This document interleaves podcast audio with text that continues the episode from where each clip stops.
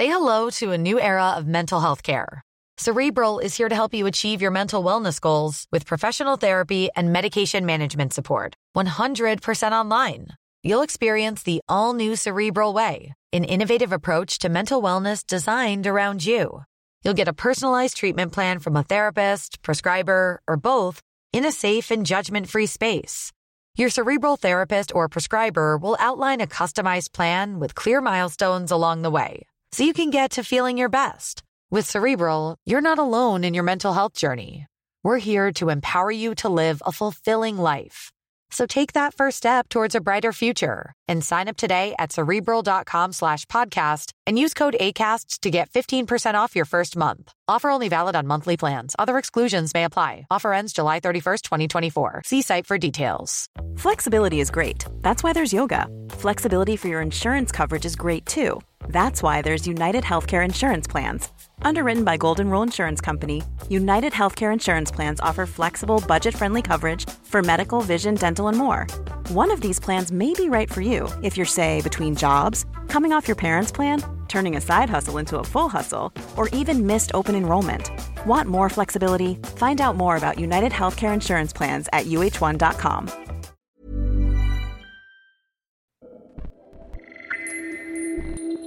كل خلية بجسمي كانت ترجع. حاسة إن أنا عايزة أخرج من جسمي. تجارب وحكايات عن الجسد والذات وما بينهما.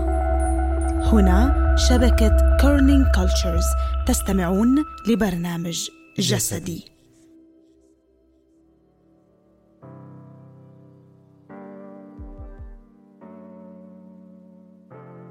مرحبا.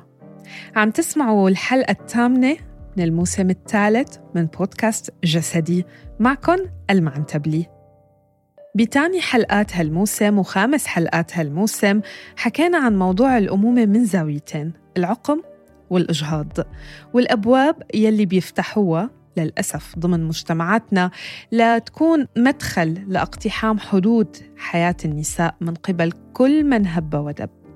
كيف بيخلوا النساء عرضة للشفقة والأحكام المجحفة والتأنيب والخوف والعيش الدائم مع خيالات الفقدان؟ فكيف لو كان هالأمر هو نتاج قرار؟ كيف لو خضع موضوع الأمومة أو عدمه لقرار؟ قرار شخصي وواعي بشبكة كيرنينج كولتشرز ومنصة موج وعبر بودكاست جسدي. عم نتعاون لنروي قصص النساء من خلال سلسلة حكواتية وعلى لسان حكواتيات من أنحاء العالم العربي. الحكاية الثامنة. لست أما. هذه ليست قصتي لكنها قصة امرأة عربية فضلت أن تبقى هويتها مجهولة. كل شيء بنفتح عيوننا عليه من تربية أهل أو أعراف مجتمعية أو حتى إعلام بيربط البنت بالبوبو بالخلفة بالعيلة. البنت الطفلة هي أم صغيرة والصبية رح تصير أم بأي لحظة. والمرة بالثلاثينات هي اللي يا حرام لسه ما صارت أم. والمرة اللي أكبر من هيك أكيد مسكينة راحت عليها أو أبصر شو فيها عيب. أنا واحدة من البنات اللي كان البوبو لعبتي المفضلة. كنت مجننة أهلي بتفاصيل تفاصيل احتياجاته هالبوبو من أكل وحليب وحفاضات وأواعي جديدة وكل متطلباته. وزي أي بنت بالسيستم كانت حياتي ماشية طبيعي. مدرسة جامعة شوي شغل بشهادة بعدين زواج وعيلة. وكنت متحمسة ومتخيلة شكل أولادي وعددهم وأسمائهم قبل ما أتجوز. لما تعرفت على جوزي الأول أيام الجامعة كنت مسلمة بأنه البديهي أني أعمل زي ما بيعملوا كل الناس. نتجوز سنتين أو ثلاثة نخلف. هيك كانت صديقاتي وقريباتي بيعملوا. ما كنتش مدركة إنه الموضوع بيتضمن خيار. هو كان طريق محدد وإحنا كلنا بنمشي عليه.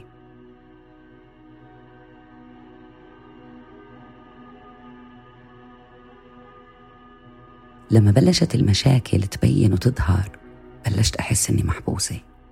فصرت أفكر إنه إذا هيك عم بصير وأنا لسه ما في عندي أولاد معناتها أنا إذا صار أولاد رح أنحبس للأبد. بس من هلا بقدر أتصرف. بتذكر لحظة اليقين اللي صابتني بعد أول زواج؟ اللي بتشبه كتير لحظة بترجع لي من أيام المدرسة يمكن كان عمري عشرة أو 11 سنة وقتها إني استوعبت لأول مرة إني عايشة بتنفس وبتحرك ومصيري غيبي. حسيت إني كنت عايشة مغيبة وعيد على حالي ساعتها. هاي اللحظة بشكل كبير بتشبه هديك اللحظة لما استوعبت إنه لا استنوا شوي. أنا مشيت بالسيستم بشكل فطري بس مش عاجبني وما بيشبهني. ضيق علي. بلشت أدرك القصص اللي حوالي قصص الأهالي اللي لما بيحكوا عن اللحظة الفردية اللي بيسرقوها سرقة من أولادهم أو تعستهم وصعوبة الحياة ومتطلباتها وما إلى ذلك. وبلشت أستوعب إني ما بدي أكون من هدول الناس. أو فعليا بلشت أتساءل إذا هالقد تعيسين ليش قرروا يجيبوا أولاد على الدنيا؟ على الأغلب هدول الأولاد رح يقضوا جزء كبير من عمرهم عم بيعالجوا حالهم من الذنب اللي تسبب بتعاسة أهلهم.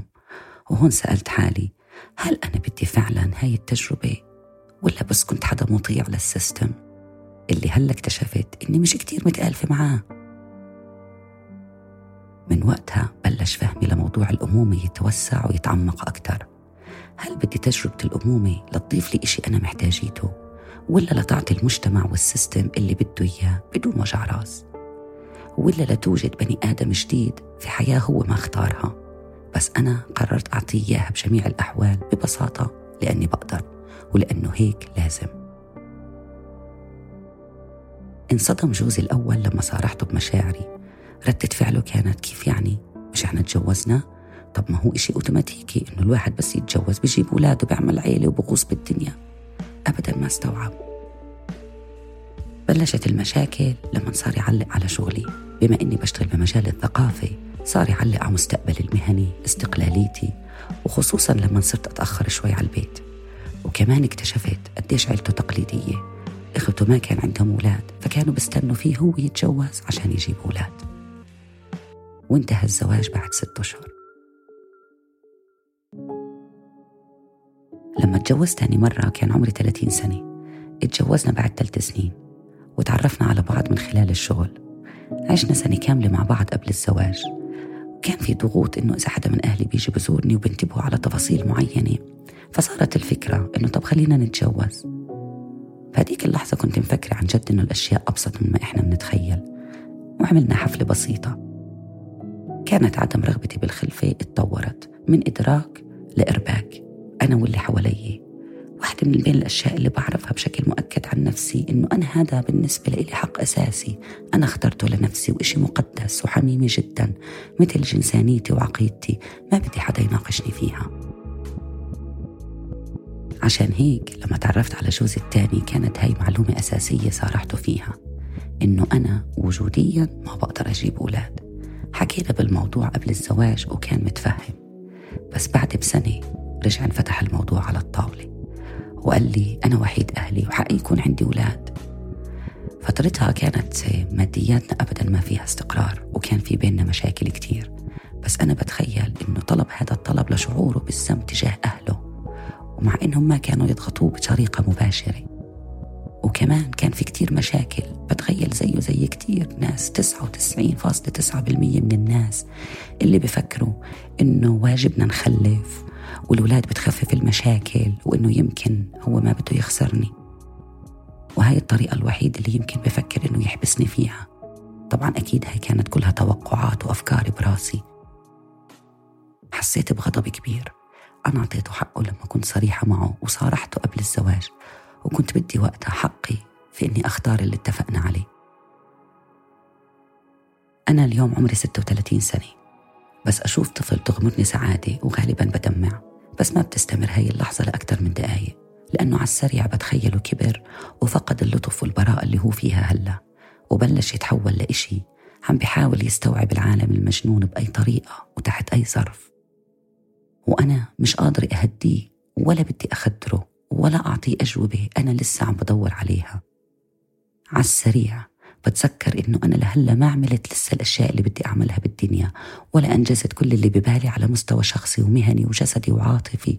ولو كان عندي طفل كان يا أهملته يا أهملت حالي يا لمته يا لمت حالي يا كرهته يا كرهت حالي.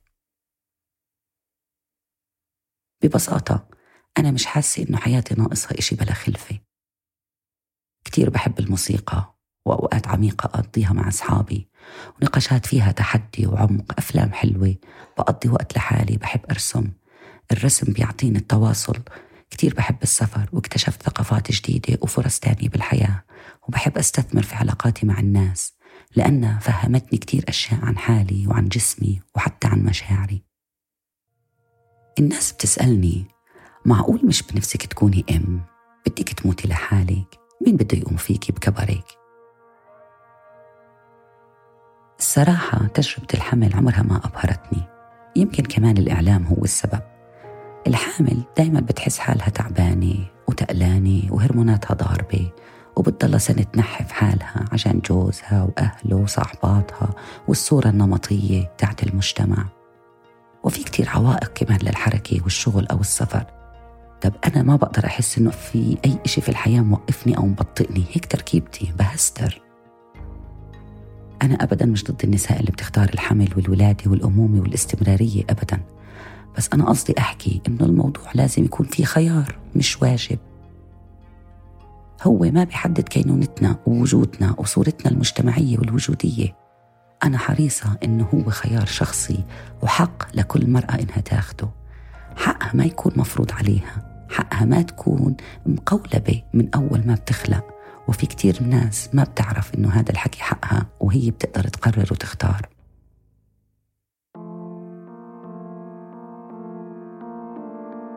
أما بالنسبة لفكرة الحمل والولادة والحياة الجديدة فأنا بشوفها بكتير تفاصيل يوميا بدون ما يطلع من مكان حساس أخذني سنين لأتصالح معه. بشوفها بلحظة حب أصيلة بتخلق بابتسامة من صميم القلب أو بإنجاز مهني بيرفعني مكان أنا بستاهله أو بدعوة من أمي تهدي كل العفاريت اللي براسي بلحظة أو بسهرة مع إخوتي بنضحك فيها لتوصل أصواتنا سابع سما بأكل زاكي بنفس حقيقي بصداقة بتدوم وبفعل الحب نفسه وبلحظة نشوة جنسية أو مهنية أو عاطفية بدي أموت لحالي؟ لا في أصحاب وفي أهل وفي أحباب في كتب ومطارح بالعالم كتير أهم من إني أنجب بني آدم حتى يكون جنبي بس أموت وأدمر له خططه ودنيته ونفسيته. مين بده يقوم فيي؟ هون أنا بنشلت. إنه حتى هالمعجزة الآدمية هالقد لازم تكون أنانية. بدير بالي على حالي.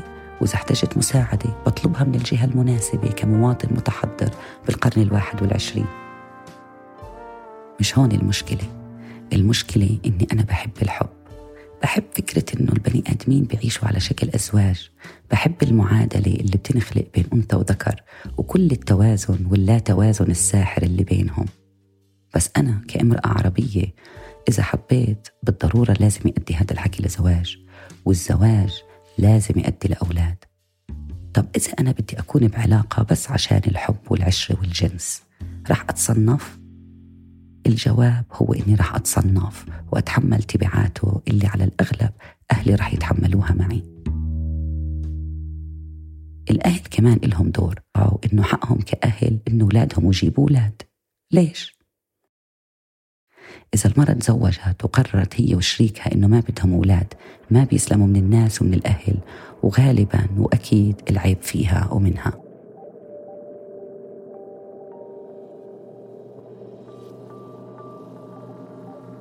أنا هلا عمري صار 36 سنة ولما قابلت شريكي الحالي قبل سنتين حكيت له في تاني مرة التقينا إنه أنا ما بدي أولاد هو بحب يكون عنده أولاد وكل واحد فينا متفهم احتياج وقرار الآخر الموضوع على طول مفتوح بيننا رغم إنه كتير متفهم وإنه منتكلم بصراحة بس كتير بحس بخوف إنه بلكي بعد ثلاث أربع سنين قرر إنه بده أولاد وأنا بعرف إنه هذا حقه وقتها بكون أنا في حيطان الأربعين.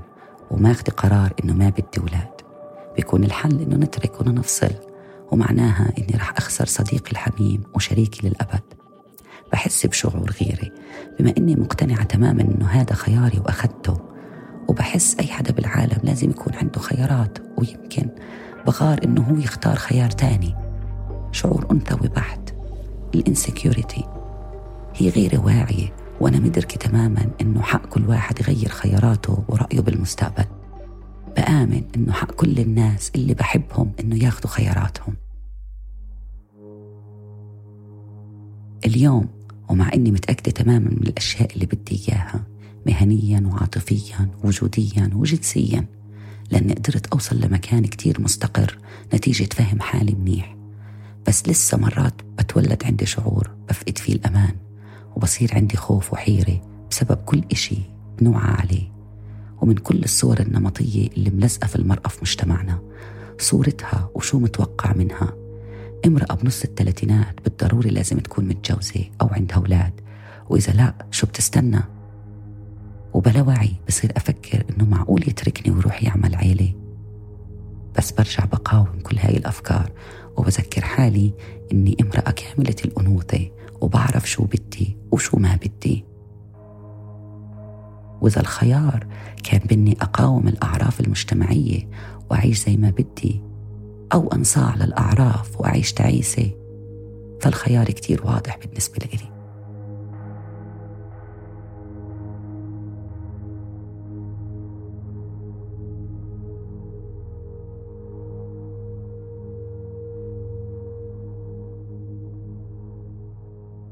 كيف ما تحركنا دايما في أحكام جاهزة تواجهنا؟ على أي قرار كبير أو صغير مناخده؟ كيف منلبس؟ كيف منحكي؟ كيف منقدم حالنا؟ منرتبط أو منتزوج أو لا؟ بينحكم علينا لكوننا عاملات أو ربات بيوت؟ منمارس الجنس أو ما منمارسه؟ منلجأ للرضاعة الطبيعية أو الصناعية؟ منجيب أولاد أو إنه الإنجاب خارج حساباتنا؟ كيف ممكن كان يكون شكل العالم بالنسبة إلنا لو احتفي بقراراتنا بدل إصدار الأحكام أو لو تركنا بحال سبيلنا على الأقل نقرر الأفضل لإلنا يلي ما حدا غيرنا بيعرف شو هو سبق وتعرضتي للوصم بسبب قرار شخصي أخدتيه؟ حسيتي بيوم من الأيام بالضغط لتجيبي أطفال حتى وإنت عارفة إنك مانك جاهزة؟ بهمنا نسمع تجاربكم توجهوا لصفحة موج على إنستغرام وتابعوا ال stories والأسئلة والنقاش موج منصة للصحة الجنسية والجسدية تعد محتواها نساء عربيات للنساء العربيات. شكر كبير كتير على المتابعة من فريق الإعداد شهد بني عودة وهبة عفيفي وأنا ألمع عنتبلي وفريق موج. من التصميم الصوتي محمد خريزات وبول ألوف. من التسويق بلا إبراهيم وسمية بو عبد الله. حكاية اليوم كانت بصوت منال عوض ورسوم الحلقات لمنى الكاتب انطرونا بحكاية جديدة الخميس الجاي. ضلوا بخير.